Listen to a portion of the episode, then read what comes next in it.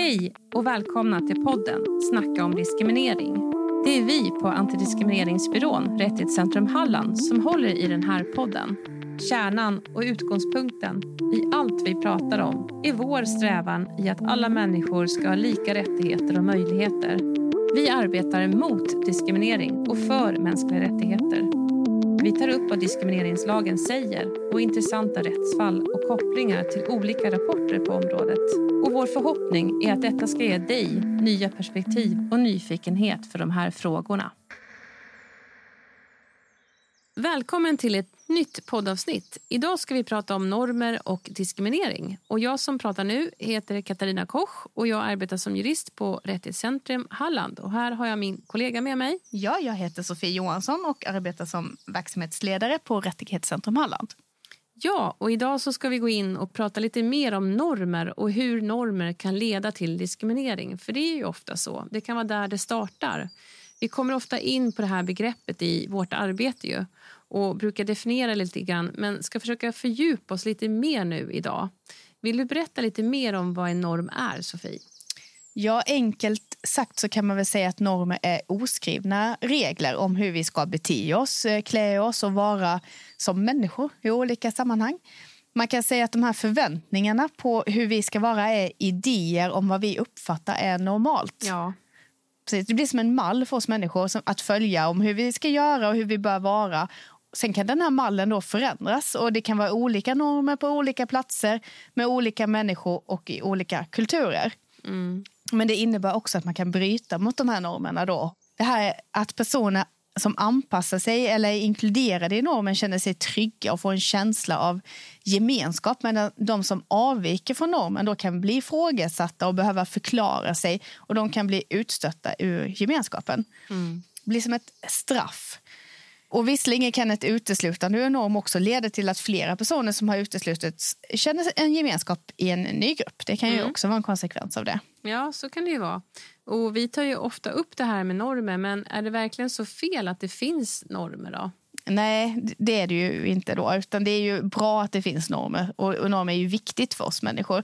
Det är ju som sagt en trygghet för oss att veta hur vi ska bete oss. Och det finns ju förmodligen massa oskrivna regler på, på din arbetsplats om hur du ska bete dig. Alltifrån hur hur och när eh, man hälsar på varandra och vilka rutiner som finns kring kaffekokandet eller så. Mm, ja, det finns små, små fina, fina normer ja. lite varstans. Och när vi är i mataffären till exempel och har handlat så ställer vi oss ju snällt i kön för att betala. Precis. Eh, om någon kommer och tränger sig före i kön så bryter den personen mot en oskriven regel men väldigt helig regel i Sverige. här Verkligen. Och, och, precis som när man känner till då vilka normer som gäller, då känner vi oss trygga och bekväma. Mm. Eh, då vet vi vad vi ska göra. Som när, när vi står i kassakön här i, vårt, i det landet där vi bor och vi mm. vet vad som gäller. Då känner mm. vi oss trygga. Men vi kommer till en plats där vi inte vet hur man ska bete sig. Då, då eh, kan man ju bli väldigt förvirrad. Så därför är det ju mm. tryggt på det sättet. Mm. Men om det då är så att de här normerna som finns mm. begränsar oss på något sätt. Att vi inte kanske tillåts att vara oss själva Mm. Då blir det ett problem eller ett hinder. Ja, det är så. Och vilka normer kan vara begränsande då? Ja, det kan exempelvis vara när vi förutsätter saker som utesluter vissa människor. Exempelvis om vi inte tänker på att en del personer har olika former av funktionsnedsättning och vi förutsätter att alla människor har samma förutsättningar att förstå en svårare text exempelvis. Mm. Eller att vi sätter människor in i olika fack på grund av könsroller. Att, att säga att alla flickor på, i den här förskolan ni, ni, ska leka med dockor och alla pojkar ska ut och spela fotboll. Och då ser vi inte dem som individer som får växa och utvecklas som de vill utan då kopplas det till ett visst kön som är då baserat på vilka normer som gäller. Mm. Så då kan det vara tillåtande normer och det kan vara begränsande normer. Ja, precis. Det är därför det är så viktigt att vara uppmärksam på vilka normer som gäller och om någon blir utestängd på grund av de normerna som råder. Det kan vara svårt också att upptäcka vilka normer som råder. Det är ofta när man bryter mot en norm som man märker att den finns faktiskt. Ja, precis. Och det, det, vi brukar prata om heteronormen. Och den, det betyder att vi förutsätter att alla människor eller personer i vår omgivning är heterosexuella. Mm. Och alla som inte är det, de känner ju av den här normen, heteronormen, hela tiden. Mm. Men de som är heterosexuella tänker ju oftast inte på att den här normen ens existerar. Nej, det är eh, sant. Så på samma sätt är det med andra normer också kring funktionalitet eller kön eller religion. Mm. Mm. Så det är när man bryter mot den som den då är, det, då är den också ett problem. Mm. Men när man tillhör den så tänker man inte ens på att den existerar. Nej, precis. Den syns eller inte, syns inte alls.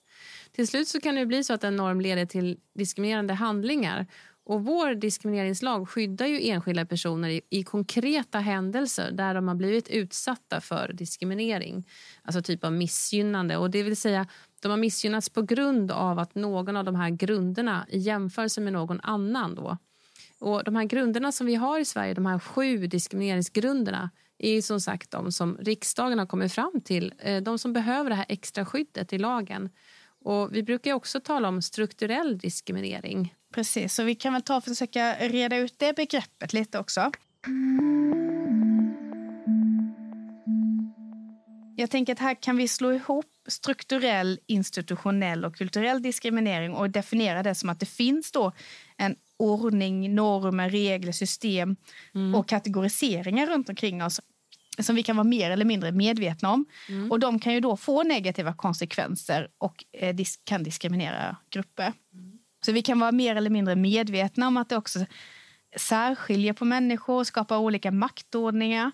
Som vi nyss pratade om här nu med normer så är det ju inte alltid, så vi är inte alltid medvetna om att de finns. Men de som tillhör normen, det är också de som oftast har mer makt. Eh, vi kan också slå samman det med att vi har då fördomar och vi har ofta fördomar mot olika grupper i samhället. En del av dessa fördomar kommer då från tidigare nämna organisering, alltså hur samhället och organiseringen kan beskriva människor som bättre eller sämre med mer eller mindre makt. Eh, och de här systemen, normer och lagar, det, det, är ju i sig inte något dåligt som vi har pratat om. Däremot är det något som behövs för att människor ska kunna veta vad som gäller och för att det inte ska bli kaos.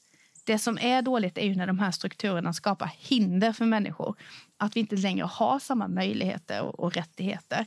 Så de här ordningarna i sig kan vara diskriminerande och fördomarna kan leda till diskriminerande handlingar.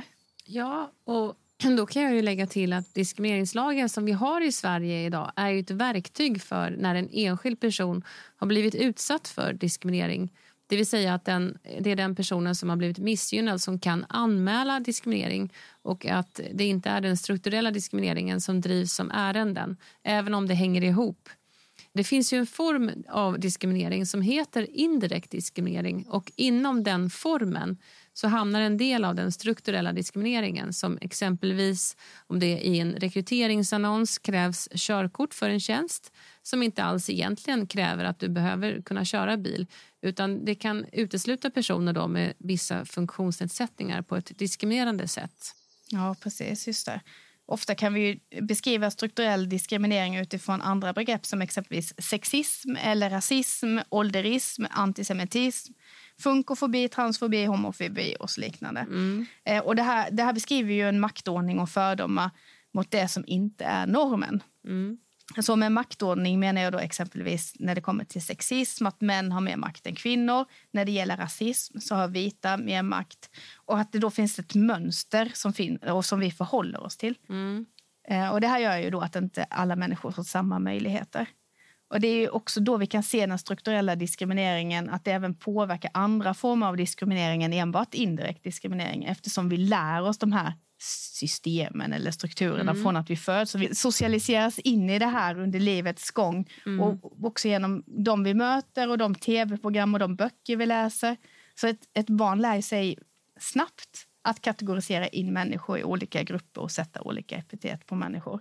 Mm. Och Det gör ju att vi också då har olika attityder och fördomar som kan leda till diskriminerande handlingar. Och Det är så inlärt och därför är det så svårt för oss själva att upptäcka det. Mm. Eftersom det är så vi har lärt oss att det ska vara. Därför ja. så krävs det ju, eh, kunskap för att bryta de här strukturerna och diskriminering och att upptäcka mm. sina egna fördomar och sitt eget handlande. Ja. Så jag, tror, jag tror inte på det här med att man ska lägga för mycket skuld på människor utan vi måste prata om det, få större insikter mm. och att våga prata om våra egna inlärda mönster och vara lite självkritiska ja, på det sättet. Precis, självkritiska. Det måste vi ju alla vara. De ismer och fobier som du nämnde är också exempel på varför vi har de här sju diskrimineringsgrunderna som vi har i Sverige idag. Och Det är etnisk tillhörighet, funktionsnedsättning, kön, könsöverskridande identitet eller könsuttryck, religion eller annan trosuppfattning, sexuell läggning och ålder. Precis, och det är ju de som finns idag, men det innebär ju inte att det inte är fler grupper som också skulle behöva extra skydd. Men det är det, de som lagen, mm. diskrimineringslagen ja. skyddar idag. Ja. Sen är det en sak jag vill lägga till här när vi pratar om strukturell diskriminering och det är ju att vi pratar om mönster och strukturer. Och det innebär självklart att det finns enskilda individer, relationer, situationer som har andra maktförhållanden än de som vi har beskrivit här idag. Mm. Om vi säger att det är lättare för män att få högre betalt så innebär det inte att det finns kvinnor som har högre betalt än vissa män. Utan vi tittar på det generella, de övergripande strukturerna och mönstren när vi, när vi pratar om detta. Mm. Eh, och det kan vara bra att ha det med sig för att annars kan man hänga upp sig på en, en detalj. Ja. Så för att få en övergripande bild av hur ett samhälle ser ut så kan man behöva generalisera och kategorisera. Mm. Och det kan ju också då i sig verka kontraproduktivt utifrån att vi vill att alla ska bli behandlade jämlikt. Mm. En gång så fick vi frågan eh, om det inte skapar mer diskriminering av, om att vi, av mm. att vi pratar om det hela tiden. Mm. Jag skulle tänka då att nej, det skapar inte, mer, det skapar inte diskriminering om att vi pratar om det. Däremot så uppmärksammar vi ju det och då ja. märker man ju det på ett annat sätt än om man inte pratar om det. Men när vi pratar om det så kan vi också göra någonting åt det. Medvetenhet om sina egna fördomar och sitt eget beteende är ju en del i det här förebyggande arbetet. Man måste se till sig själv först, hur mm. man beter sig själv. Och I vår poddserie kommer vi att dyka ner i mer olika ämnen eh, och prata om vad som är aktuellt runt olika diskrimineringsgrunder och olika former av diskriminering med mera framåt här i tid. Mm, ja, så är det. Så är det. Med det avrundar vi för idag. Tack för att ni har lyssnat på podden Snacka om diskriminering. Vill du fördjupa dig ytterligare i de här frågorna så finns det också ett studiecirkelmaterial. Mer om detta går att hitta på vår hemsida www.rättighetscentrumhalland.se. Den här podden gjordes med stöd av Myndigheten för ungdoms och civilsamhällsfrågor, ABF Halland. Tekniker för podden är Joakim Dahlström.